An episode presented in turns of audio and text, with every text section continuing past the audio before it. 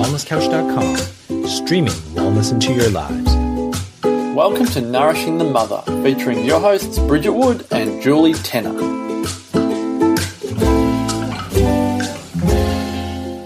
Hello and welcome to Nourishing the Mother. I'm Bridget Wood. And I'm Julie Tenner. And before we get into today's podcast, just a quick reminder to please jump onto nourishingthemother.com.au and on the front page there's a form to come join our tribe which means every week you get an email from us that wraps up everything that's happened with Nourishing the Mother for the week, all our podcasts and links, what they were about, blog posts. And so there's everything there if you want to click on it and do some further learning and research and connection with us. And occasionally we might send you an also additional email around some really intimate dive or story or pondering that we've had during mm, our week. Mm. So if you would really like to continue to expand the learning that you're doing here with us, then that's a great way to do that. So please jump on and yes. join our tribe.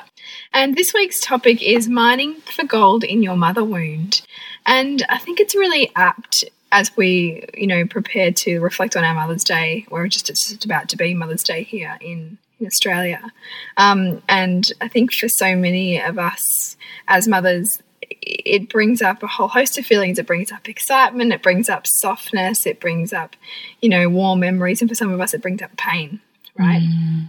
And so I think it's a really worthwhile time for us to explore this concept of what the mother wound is, which for many women, you know, perhaps like lies dormant um, until you become a mother yourself. That was probably certain, certainly my case. Mm. Um, I think I held my mom on a pedestal, and, and it wasn't it wasn't until I experienced motherhood that started to see that oh wow, there's stuff buried here I didn't know I had that I mm. that I needed to deal with. Um, Which is actually really, I've just had it. So I've just had an aha moment as you've said that. Mm. It's so interesting because without in pre motherhood, you've had your mum on a pedestal, mm. and then during motherhood, you've started to equilibrate and balance that mm. perception out. Yeah, yeah. I'm the opposite. Mm. So I had a really big mother that I was aware of and spent years in therapy for and like hated on her my entire life. Mm. Had kids and through that process have created the reverence and the compassion for her. Isn't that fascinating? Isn't that interesting? We've, we've kind of equilibrated in opposite directions. Yeah. It's fascinating. And that, I mean, and ultimately that's what life's trying to do to us. We're increase, increasingly faced with situations that as long as we run from them, we'll run into. Um, and in the case of where our perceptions are lopsided, we're going to have to see the other side, mm. however long that takes. And we create the situations in which to do that. Yeah. So yeah, interesting. It is. It really is. And I think I wanted to dive into this too, having really sat um, in more softness for my mum. Um, and and I guess looking at my own perhaps like judgments, which which seem almost so like wrong in some ways for me to have because I do have so much love for her, but it's so interesting to to reflect on where they come from and where the, the story comes from and what my story is in relationship to what I know her story is with her own mother. Mm because being, I think I've mentioned this before, she was the youngest of 12, and so she really feels like her mother wasn't really very connected to her as a child and, and was almost like the, a bit absent. Um, and and so that that wound for my mum was really for her to try and intensely parent us and be really connected to us. And uh, in, this preparation for Mother's Day, I've been really seeking to try and um, bring some warmth to that story for mum. Mm. Um, and, and been speaking to my mum's oldest sister, who's 20 years older than mum, around whether or not there's any kind of photos that I can that I can give to mum that show my grandmother, like, you know, really in reverence for my mum. Because mm. because mum's story is that, that there wasn't much, um, you know, heartfelt love mm. there mm. because you know her mum had 11 other children and mm. was widowed when my mum was one you know so she and had, ran a business and ran a business you know it was it was incredibly challenging time um, and I'm still digging for that photo and I would love to find that and give that to her but it really made me think you know what are all the stories that we are telling ourselves that that, that in our perception are almost like our reality you know that our mother is that and can't be anything else because that's who they are mm there's a reason why we tell ourselves that because for so for a certain extent for us it keeps us safe. You know, it keeps us safe to keep our story intact and it allows us to then go out and seek all the things that we think we're missing from that dynamic in our own parenting journey which for so many of the, our tribe is is a journey that's seeking um, respectful um, interactions with our children, you know, really Deeper securely connection. attached, really um, a sense of being really attuned to our children.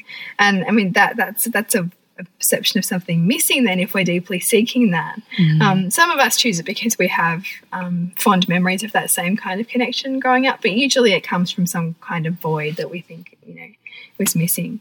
Um, and as we so much explore deeply in our Loathing to Loving program, nothing is missing. It's just in, in a different form um, than, than we're seeing it. Mm. And, and it's a beautiful journey to start to dive into to see, okay, well, if I had this story around my mum of being disconnected or you know in your, in your case your story was around her being abusive mm. you know where was she all of the opposite of those things mm. you know if you have a story around her being really harsh or or Narcissistic. yeah, narcissistic was another one.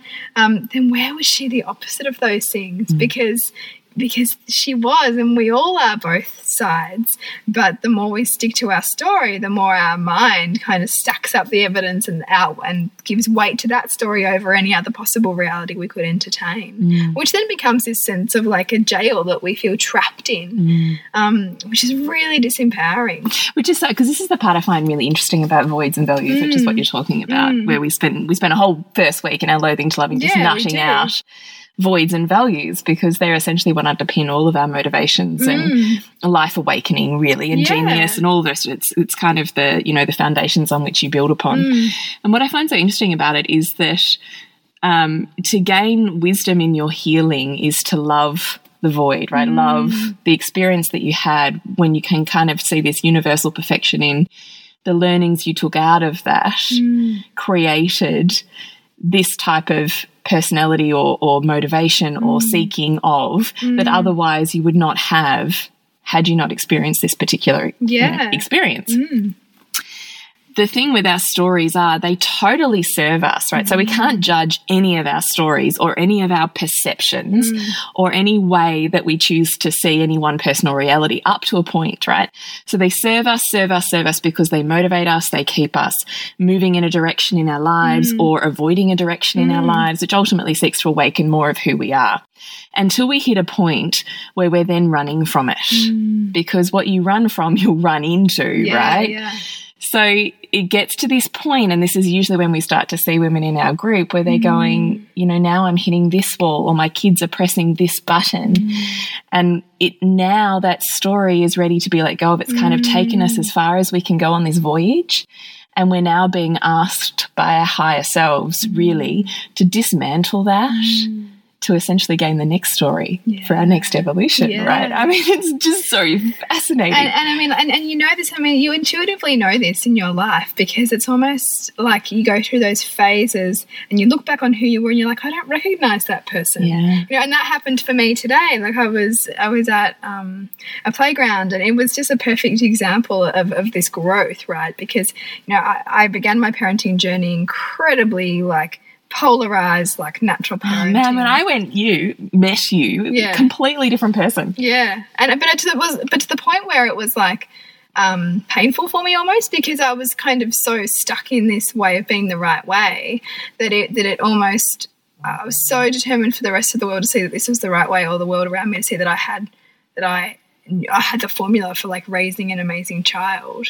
Um, But this is when our story starts to stop Yeah, serving us, isn't that- it? and- Is when that pain gets so big that we're running on it or into it constantly. And you know, I would Yeah. be triggered so much by like friends who'd been friends for ages, or even like by my mum and how she was doing certain things with my with my son, and and so there's just pain, pain, Yeah, pain, pain like just hitting you all the time. running into it. Yeah. and and then so today, like, I Which is so funny too, because the more connection you're seeking with your child, the more disconnection is happening around you. Yes, And the Oh, more you're seeking that, peace and harmony, the more there's chaos around you. Like it's this constant battle to get you to see that that you are whole and to equilibrate you rather than you Mm. Yeah, and being like, so and polarized. the level of that, that I was infatuated with my son, the more I was breeding like you know challenges when he became a toddler, the more So the, more- the more one sided and you know trying to support him at, in our family unit, the more disconnection my husband and I came. Like it, it was we're looking back on it, like it was amazing to see that what was playing out as a result of like my Mm. massive polarization. But you know, I also have the reverence now and the, the knowledge to love the polarization because the, to the degree to which you're massively polarized in your thinking and values and viewpoints is the deg- degree to which you can then become deeply integrated, which is, you know, where I'm working and, and have come back to you know, it's and the greater the wisdom, yeah, right? the greater the wisdom and, and the ability to be able to go back and pull it apart and, and understand what's going on. And Which so I exciting. know, right? And you know, I'm sure in five years' time I'll go back and look at look at me now and go, wow, like you know, look yeah. at how that shifted and changed, and you know what I didn't know then, and yeah, it, it's just so interesting. And so anyway, today I was at this playground and I, there was like a, a natural parenting group there, and I was there with my ki- uh, kinder mum friends, and I. I didn't. I just. I knew that that it was a natural parenting group because they had cloth nappies and they were wearing woolen like jumpers and stuff, you know, and like Natural fibers, natural fibers, things, you know. yeah. So it was, you know, very Steiner esque, very, you know, kind of that thing. And I just thought, wow, like you know, what was I was really interesting to sit with myself around what was coming up for me around, um, you know, the the the, the labels that I'd put in the past on, on the two different groups of, of mothers, right? And and Mm. Because almost- one time you would have been on the other side of the yeah, fence, right? yeah, and you know, judging all the mothers with the prams and the, you know, like letting their babies kind of do whatever and not really talking to them, but talking to each other. You know, and you and I've talked so much that that in some ways that style of intensive, you know, kind of this pro attachment, like serving your child's needs before they're even needs, right? Like, you know, mm-hmm. preempting anything, how um, exhausting that can be as a mm-hmm. mother.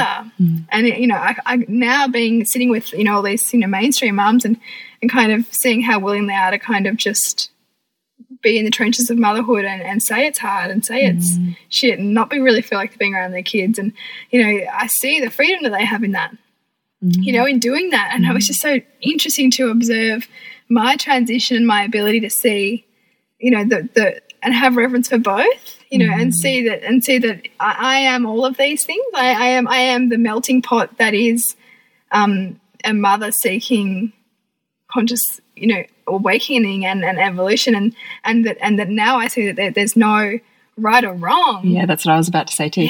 Is you start to see, uh, in actual fact, where you are is that it wouldn't matter which side of the fence you're on.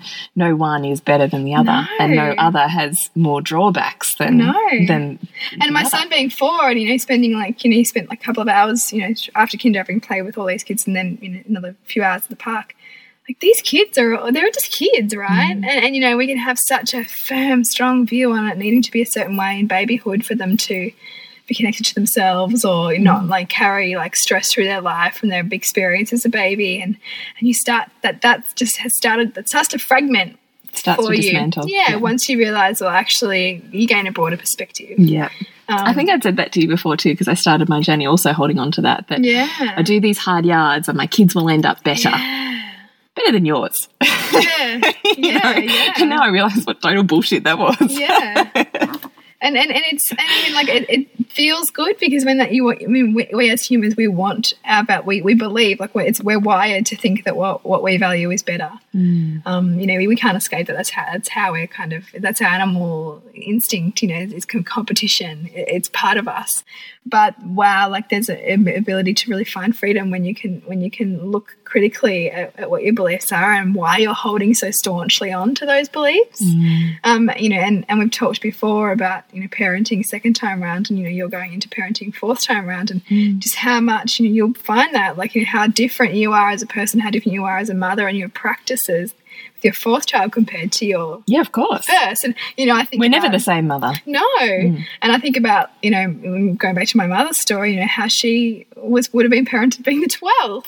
How know? extraordinary is that? That her mum ah. essentially had 12 goes at it. Like, surely she nailed the shit out of some stuff by number 12. She must have been super organized. Yeah. you know, and yeah, but my, my, my my mother would have been raised by her siblings, really. Yeah. Um, which would be, which again, like you know, if nothing's missing, she got all the things that she thought she was missing, They just didn't come from but one didn't person. come from one person. And the wound, going back to the wound, comes when we believe that somebody should have provided something that they didn't, and uh, through our narrow um, perception, we think that was missing. But in fact, it wasn't. It's just not. It's just in a form that we haven't been able to go back and look for. Um, and when we can start to see, okay, well, if we perceive that our mother was disconnected, well, who was connected to us at that moment?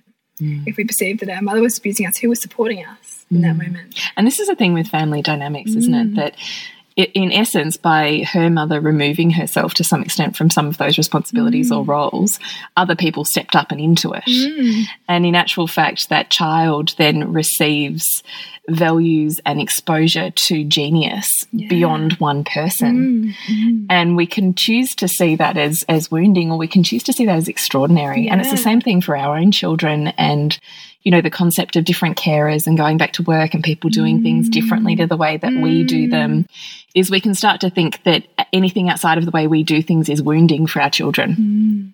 But that's us running our voids and our story And projecting our values onto a situation, onto our children, thinking that ours are better.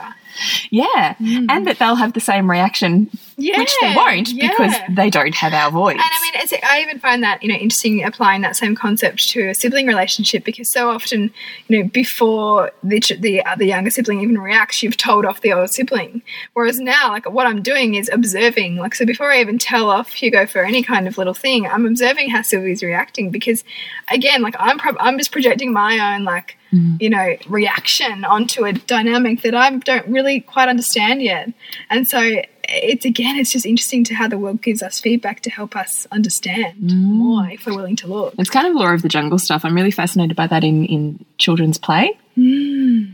You know, the whole concept everyone has a right to feel safe within a playground or a play space, mm. but that there's variations of how they negotiate themselves within that Yeah. without necessarily needing us to step in and, and do it mm. for them. Mm. But I digress. So, coming back to the mother wound, having gone through Mother's Day in the last few days, often that can be, as you were saying, for your mum, quite triggering for some people because you're having to put to honor or to spend time with mm. mothers in various forms within your mm. life and that mm. can be really difficult sometimes and and there's lots of feelings that come up about that which is kind of the soup that you and I love to be in. Yeah, So we thought maybe, I know we've digressed a lot to get to this point, but we thought maybe it's worthwhile just kind of hashing out when you're carrying a really wounding mother story, which can be triggered by your own mother, your stepmother, your mother in law. It doesn't matter, whatever mother archetype it is that's in your world that you're reacting to, is to start to recognize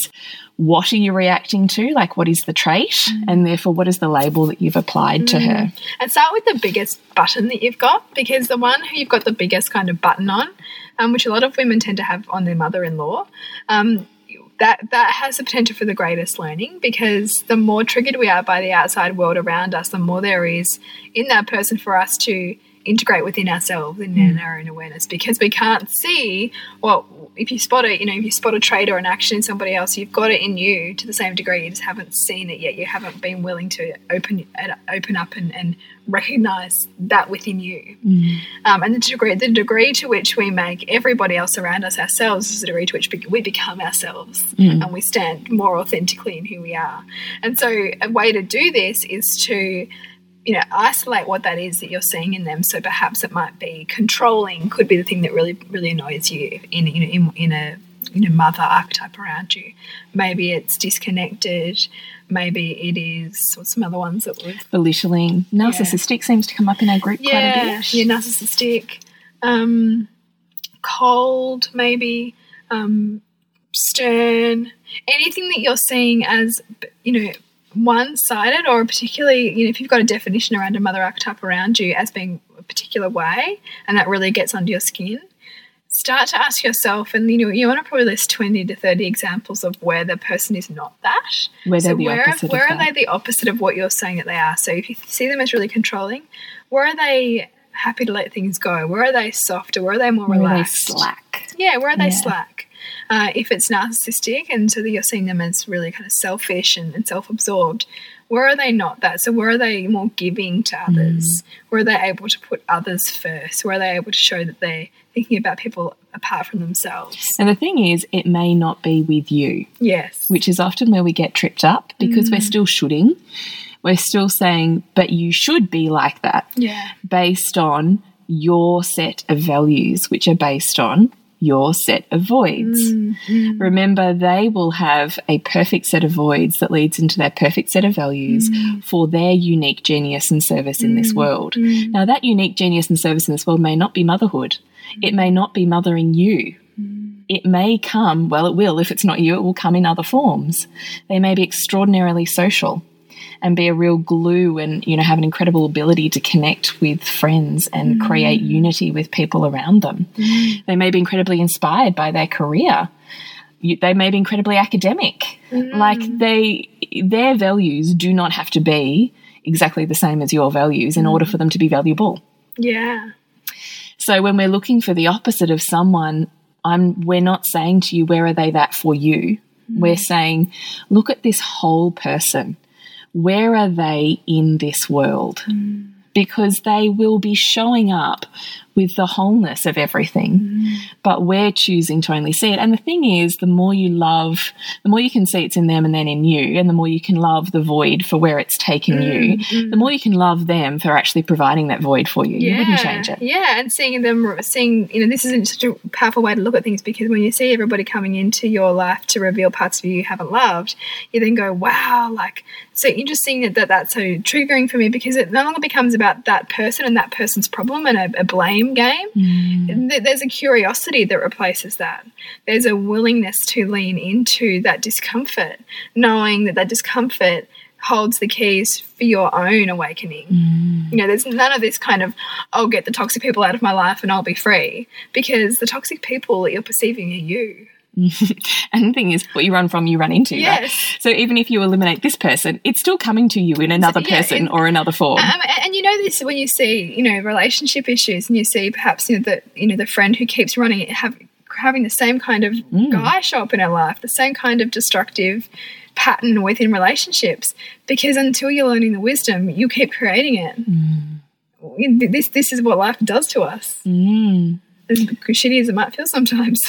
Yeah, absolutely. But it's also where, where you seek a tribe, right? So if mm. you yourself are really struggling to love those aspects of your mother, mother in law, or yourself, yeah. this is when a tribe really comes in handy, like the Nourishing the Mother tribe, That's where you right. go, here's the trait, here's where I'm at with it. And I don't know where to go from here. Mm. And then there's this, you know, group of women that just respond with, well, here's how I see that. And here's how I, and all of a sudden it opens your ability to see wider. Mm. And the more you can see wider, the more you can love of that person, unless you're triggered by them, and unless Mm. therefore you're run by those triggers. The triggers, if you think about all those ways that you run all of that anxiety and tension and um, disconnection and discord, how Mm. exhausting is just the, the upkeep of that within Yeah. you? Yeah. Imagine not having that. Mm. Imagine just rocking up going, cool, okay, she's like that. Mm. Fine, have a giggle about it. Yeah. Laugh at the irony of it. Love with humor what that's brought you. And even when it keeps bringing it up for you, right? So I kind of think this is this is the gold in transforming that mother wound so that you don't have to parent or be a certain way to run from being who they were. Because the more staunchly you kind of get, create for your children like the opposite of what your what you perceive um, you was wrong around how you were parented, the more opposition you're going to run into with those you love around you. You know, so there's going to be the there's going to be the opposition with your with your partner and not seeing eye to eye on your parenting style. There's going to be the opposition with the mother-in-law who thinks you're too hard or too soft on the children. Your own mother who perhaps feels feels um, wounded that you don't parent how she parented or something. Yeah. Or your children who will do exactly what they need to do to get you to love who she was. Yeah, yeah, like I, th- I when I think about my parenting journey, I actually think this is probably where my children have been the most gold. Is each of them have reflected an aspect of her that I've got to kind of the point of being her before I've gone. Ah, I kind of get how she got there. yeah, Maybe she's not so bad because I don't think I'm that bad, you know. yeah, yeah, yeah. And to the point, really, I mean, I would say that I was still running, running, running through my first and second. And then, as you know, I had my third, who um, I definitely didn't attachment parent as intensively, but consciously parented more intensely. And what happened with that was I created exactly what I needed. to create the disconnection, right? Because the more I'm chasing and seeking connection and meeting of needs and filling of all of Mm. the voids that were left for me around my mom, the more she like super attached onto that to the extreme because I'd had the extreme with the others and I had Mm. still rolled with meeting needs, meeting needs, meeting connection.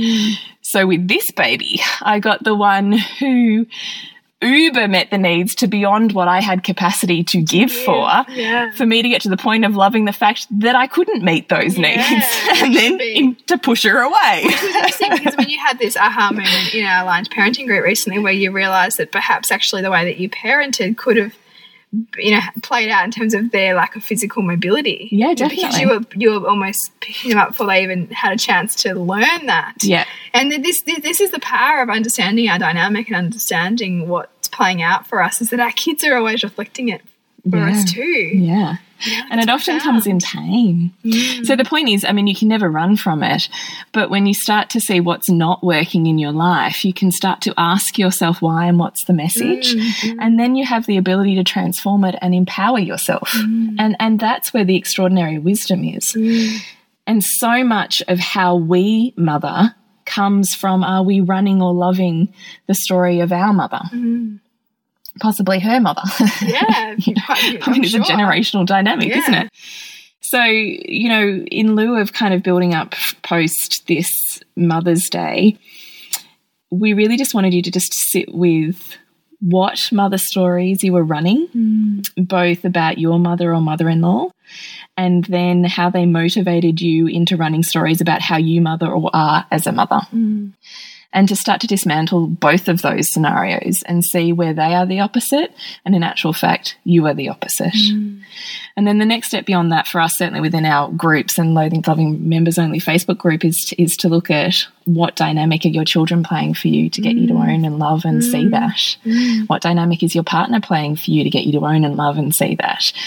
Because the universe is constantly speaking to you in those soupy dynamics mm. of those most intimate to you. Yeah, yeah. It's the most it's the most powerful melting pot for learning. You know, I often say, you know, if you want a spiritual journey, become a mother. Because and become a mother with a with a willingness to to to integrate what what's challenging you around you because that's helping you learn more, more than you can ever learn on a yoga mat about yourself. It's so true. Because you can't run from it. no, you're facing it all the time. Mm. So if you would love to awaken more, we'd love you to check out Loathing to Loving program and nourishingthemother.com.au forward slash online programs.